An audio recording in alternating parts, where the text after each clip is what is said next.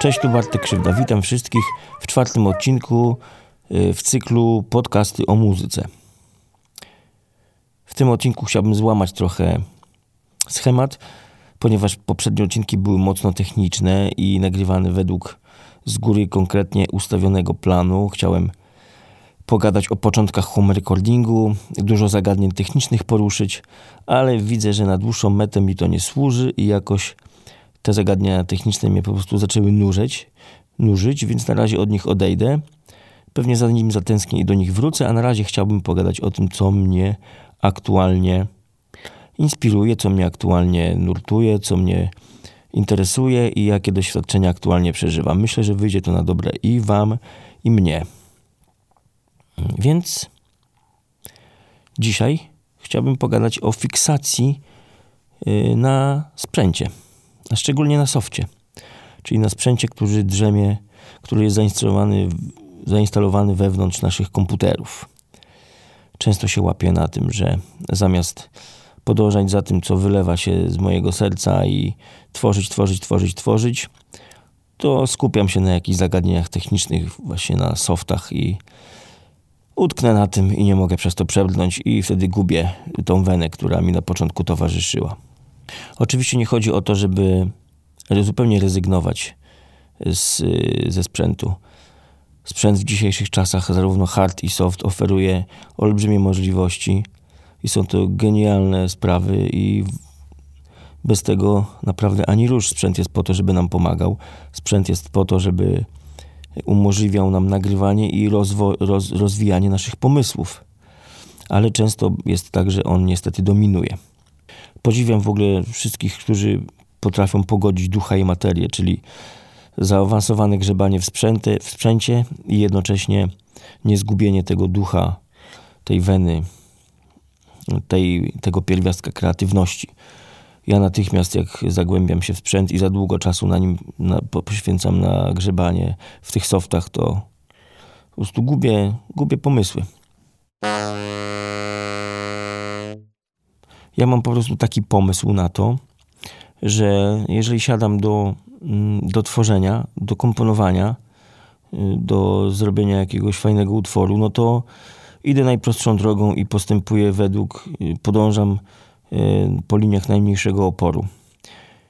Nie skręcam w boczne uliczki, tylko gnam prosto do celu, tak, tam gdzie jest najłatwiej, tam gdzie jest najprościej, tam gdzie samo wychodzi. Czyli siadam sobie do klawisza, improwizuję coś, jak coś fajnego zaczyna się układać, nagrywam, nagrywam, nagrywam, nagrywam, aż yy, starczy pomysłów. Wybieram z tego jakąś najfajniejszą część, najfajniejszą ścieżkę i wokół tego buduję następne ścieżki, które też nagrywam w taki sam sposób, czyli najprościej jak można. Nie kombinuję, nie szukam skomplikowanych akordów, jakichś wydumanych podkład- yy, patternów na bębnach, jakichś skomplikowanych yy, fraz rytmicznych na basie, tylko nagrywam to, co najprościej mi wychodzi. I nagrywam tak dopóki, dopóty, dopóki mi nie starczy pomysłów. Jak zaczyna się brnięcie, już kłody pod nogi się pojawiają i grzęznę w tym, to znaczy, że już wena się powoli kończy i wtedy odsłuchuję to, co nagrałem i zazwyczaj wtedy powstaje jakieś takie fajne albo mniej fajne, ale mające już ręce i nogi demo. Jest ono czasami niegramotne, nierówne, źle wyartykułowane, ale posiada to coś, taki pierwiastek, takiego ducha pierwotnego, który, o który mi właśnie chodzi. Coś takiego, co płynie prosto z serducha. I coś, na czym mi osobiście najbardziej zależy, bo to jest bardzo taka ulotna rzecz i ja staram się ją uchwycić. Natomiast kiedy, kiedy przychodzę do studia i y, nagram sobie jedną ścieżkę, a potem zaczynam ją edytować, obrabiać, szukać jakichś odpowiednich delay, odpowiedniej barwy i już y, myśleć o jakichś takich szczegółach technicznych, no to już jest koniec. Po prostu wiem, że mogę wtedy siedzieć 8 godzin nad tą ścieżką i nic z niej ciekawego nie wyniknie. Dlatego nauczonym doświadczeniem, nauczony doświadczeniem, y, postanowiłem się z tym wami podzielić, żebyście sobie oszczędzili y, takiej drogi. Oczywiście nie wszyscy, bo niektórzy, tak jak mówiłem, umieją to pogodzić. Ja nie umiem i dlatego już teraz nie popełniam tego błędu, staram się o tym pamiętać. i nie grzęznąć w te techniczne zagadnienia, tylko po prostu lecieć na złamanie karku i wylewać z siebie to, co mi się po prostu wysypuje z głowy i z serca. Wtedy są najlepsze rezultaty. No technicznie to u mnie wygląda tak, że siadam do instrumentu, nagrywam ścieżkę audio, a jednocześnie to samo nagrywam w MIDI. Audio nagrywam dlatego, że po prostu lubię audio. Ono jest takie jakieś dla mnie ciepłe, bardziej takie puszyste. Ono wygląda inaczej też wizualnie. Ale wydaje mi się, że kurczę, że te audio trochę inaczej brzmi. Nawet ta sama barwa nagrana w MIDI i audio, w audio jest coś w niej innego. Może to tylko sugestia, ale jakoś te audio jest takie dla mnie bardziej ludzkie. Więc nagrywam audio, jeżeli ono jest fajne do zaakceptowania, zagrane dynamicznie i równo i, i jeszcze z jakimś uczuciem, no to super. A jeżeli trzeba w nim coś popoprawiać, no to wtedy mam do dyspozycji tą ścieżkę MIDI pod spodem, taką samą i wtedy mogę sobie w niej pogrzebać, coś tam pozmieniać, harmonię, artykulację, wiem, tempo, wszystko, barwę ale od razu staram się nagrywać wszystkie ścieżki do tej demówki z jak najwyższą jakością. Oczywiście mówię o technicznej jakości, ale też o muzycznej jakości. Czyli żeby to wszystko miało odpowiednią artykulację, dynamikę, żeby się, żeby się to dało później wykorzystać do finalnej wersji tego utworu. Czasami się nie da i to też nic złego, bo lepiej iść szybko na skróty i trochę, trochę nierówno i trochę niegramotnie, ale żeby właśnie zachować ten pierwiastek taki, taki, takiej duszy, tego serca, niż nagrać pięknie, równo, yy, ale sztywno i bez uczucia. No a poza tym później okazuje się, że wiele śladów, które, nagrane, które są nagrane na dymówce, później zostają też yy, przeniesione do finalnej wersji tego utworu, bo w tych śladach z dymówki jest coś takiego, czego się już nie da powtórzyć. Jeżeli natomiast te ślady z dymówki są bardzo nierówno zagrane, e, źle nie podobały mi się, no to wtedy muszę je po prostu jeszcze raz nagrać, czyli uczę się tego, co nagrałem na dymówce i nagrywam jeszcze raz, tak żeby już być usatysfakcjonowanym.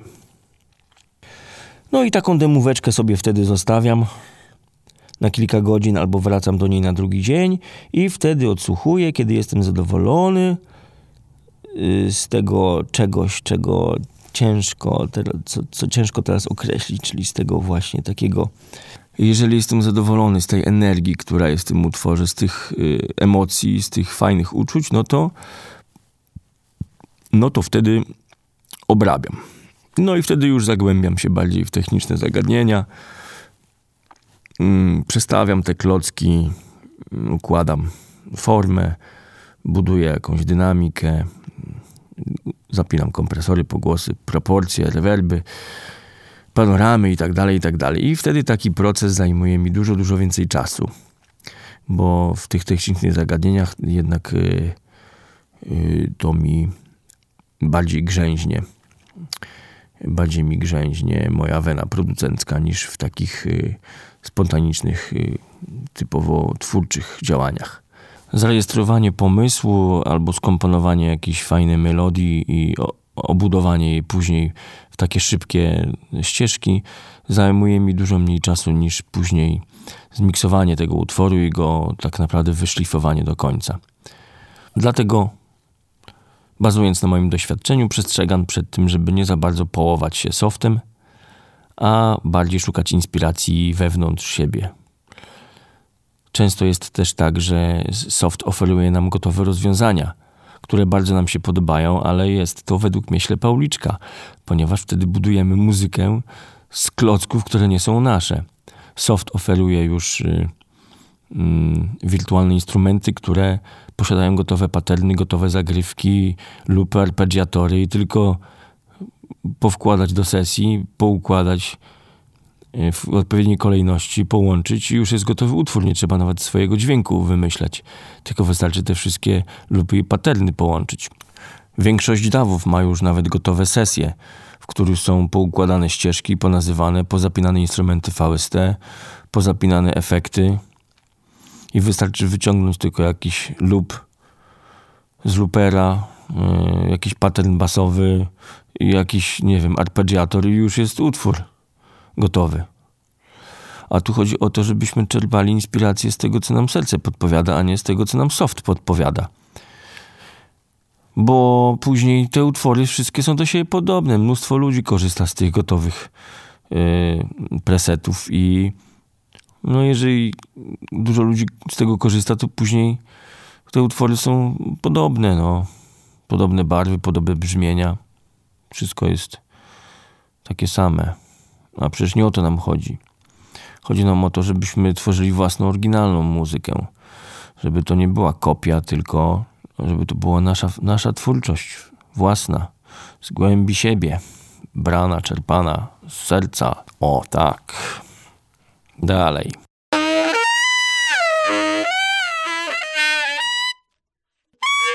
Przychodzi mi też do głowy y, taki temat jak odwaga w muzyce. Odwaga w muzyce to według mnie jest, jest coś takiego, że nie boimy się skorzystać z nieszablonowych rozwiązań. Nie boimy się dziwnych brzmień, nie boimy się zastosować nieszablonowych patentów i dzięki temu jesteśmy odważni, a dzięki temu też możemy stworzyć w muzyce coś, w muzyce coś swojego, coś własnego, coś czego nie ma u innych producentów, u innych twórców. Często się jednak zdarza tak, że próbujemy przeforsować swój jakiś dziwaczny pomysł, a reszta zespołu krzyczy na nas, że nie, co ty, widziałeś gdzieś werbel z pudełka po herbacie? To nie przejdzie, to się nikomu nie spodoba. Nie spodoba się naszemu menadżerowi, nie spodoba się naszym fanom. Na Facebooku dostaniemy mnóstwo krytycznych komentarzy.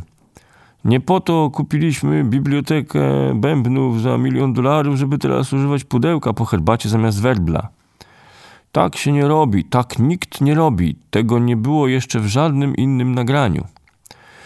No i takie uwagi mogą naprawdę podciąć skrzydła fajnemu pomysłowi, bo według mojej dywizji nie ma żadnych zasad. W muzyce nie ma żadnych zasad. Można je po prostu sam, samemu tworzyć. Poza tym ja uważam, jak przeginać, to na maksa. Jak ginąć, to z trzaskiem. Jak ma być głośno, to tak, żeby rozpieprzyło głośniki. Jak ma być cicho, to tak, żeby naprawdę można było też usłyszeć brzdąkanie muchy, brzęczenie muchy.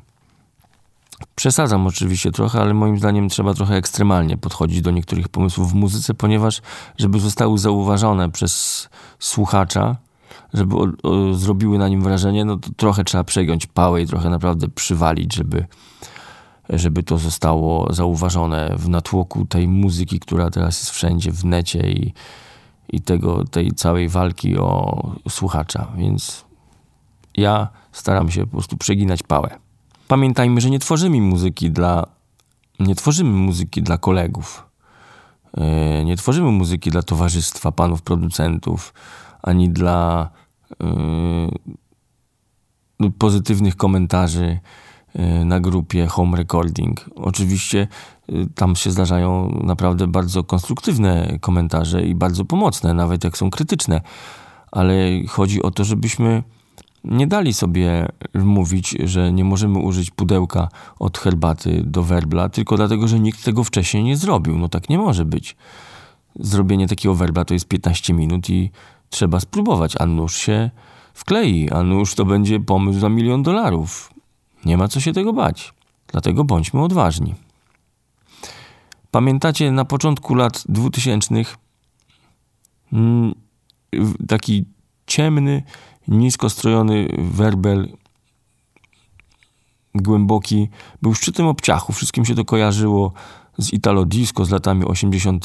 W ogóle, o Jezu, taki werbel ktoś takiego werbla użył wtedy, to był po prostu przeklinany przez środowisko muzyczne. A tu później nagle po pięciu latach czy ośmiu w 2008 roku gdzieś w jakiejś zachodniej produkcji ktoś użył kilka razy takiego głęboko, głębokiego werbla niskiego i się zrobił e, szał na, na ta, tak strojony werbel i teraz do tej pory stosują taki werbel. Sam go użyłem na jednej z, mojej, z, mojej, z moich płyt, ale to było Boże, bardzo dawno temu. A do tej pory słyszę, jak kapele nagrywają płyty i koncertują z takim werblem w ten sposób nastrojonym. No i to jest właśnie to, że, że nam się wydaje, że werbel zrobiony z pudełka po herbacie jest szczytem obciachu, a zaraz go ktoś użyje w jakiejś topowej zachodniej produkcji i później wszyscy będą jeździć na koncerty z pudełkiem po herbacie przez 20 lat w Polsce. Nie mówię o tym, że nasi producenci są gorsi, słabsi albo mniej kreatywni od tamtych zachodnich. No, to dlaczego tamci dyktują warunki brzmieniowe, a nie my, no to już jest sprawa na inny podcast. W każdym razie tak jest i to nie jest nasza wina.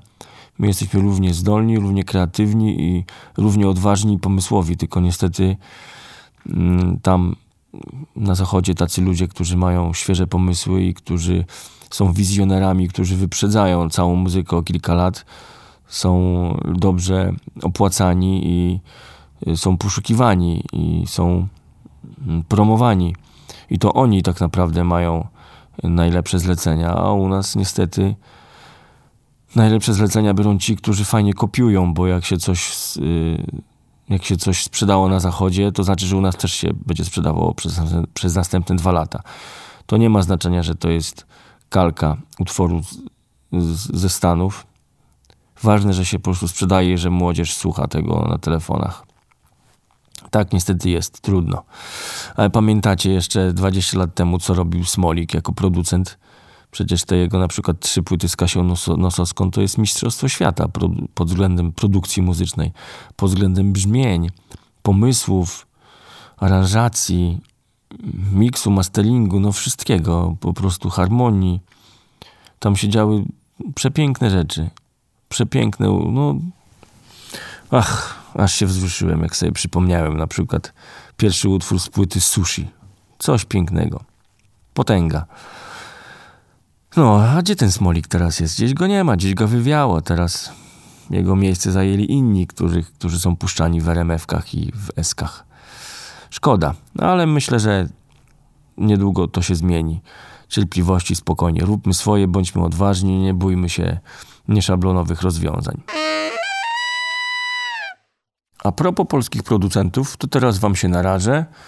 Trochę wam dołożę, bo uważam, że jedyny rynek w Polsce, który nie wzoruje się na nikim i jest wizjonerski i najbardziej rozwojowy, i w którym są naprawdę świetni producenci mający świetne pomysły, yy, genialne rozwiązania i robią bardzo, bardzo, bardzo dobre rzeczy, to jest rynek disco polo. Tak, tak, tak, tak, tak.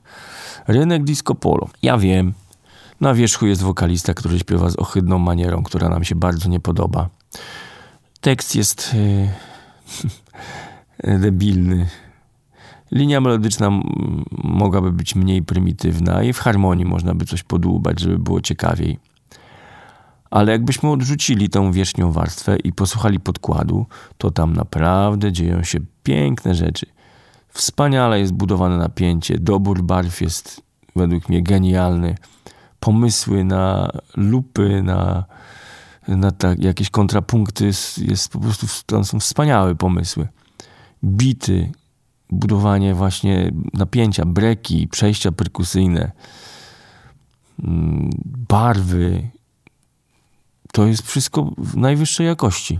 Ci ludzie, którzy to robią, robią to naprawdę z serca i z wielkim zapałem i, i naprawdę im to świetnie wychodzi. Mi się to przynajmniej bardzo podoba i uważam, że to jest najbardziej rozwojowy rynek w Polsce. Oni się na nikim nie wzorują, nie mają żadnego wzorca w Arizonie ani w Bułgarii, co najwyżej Bułgarzy i Arizończycy mogą ściągać od nich. Eee, to jest rynek tak naprawdę, który nie ma żadnych barier, żadnych zasad. Oni po prostu nie pieprzą się z niczym, robią swoje, ryzykują, szukają fajnych pomysłów i wykorzystują je. Wszystko po to, żeby zainspirować, zainteresować słuchacza. I to naprawdę działa. Te aranże są super skuteczne i, i są świetnie y, przygotowane, bardzo, bardzo taneczne. Y, no, mi się bardzo podobają.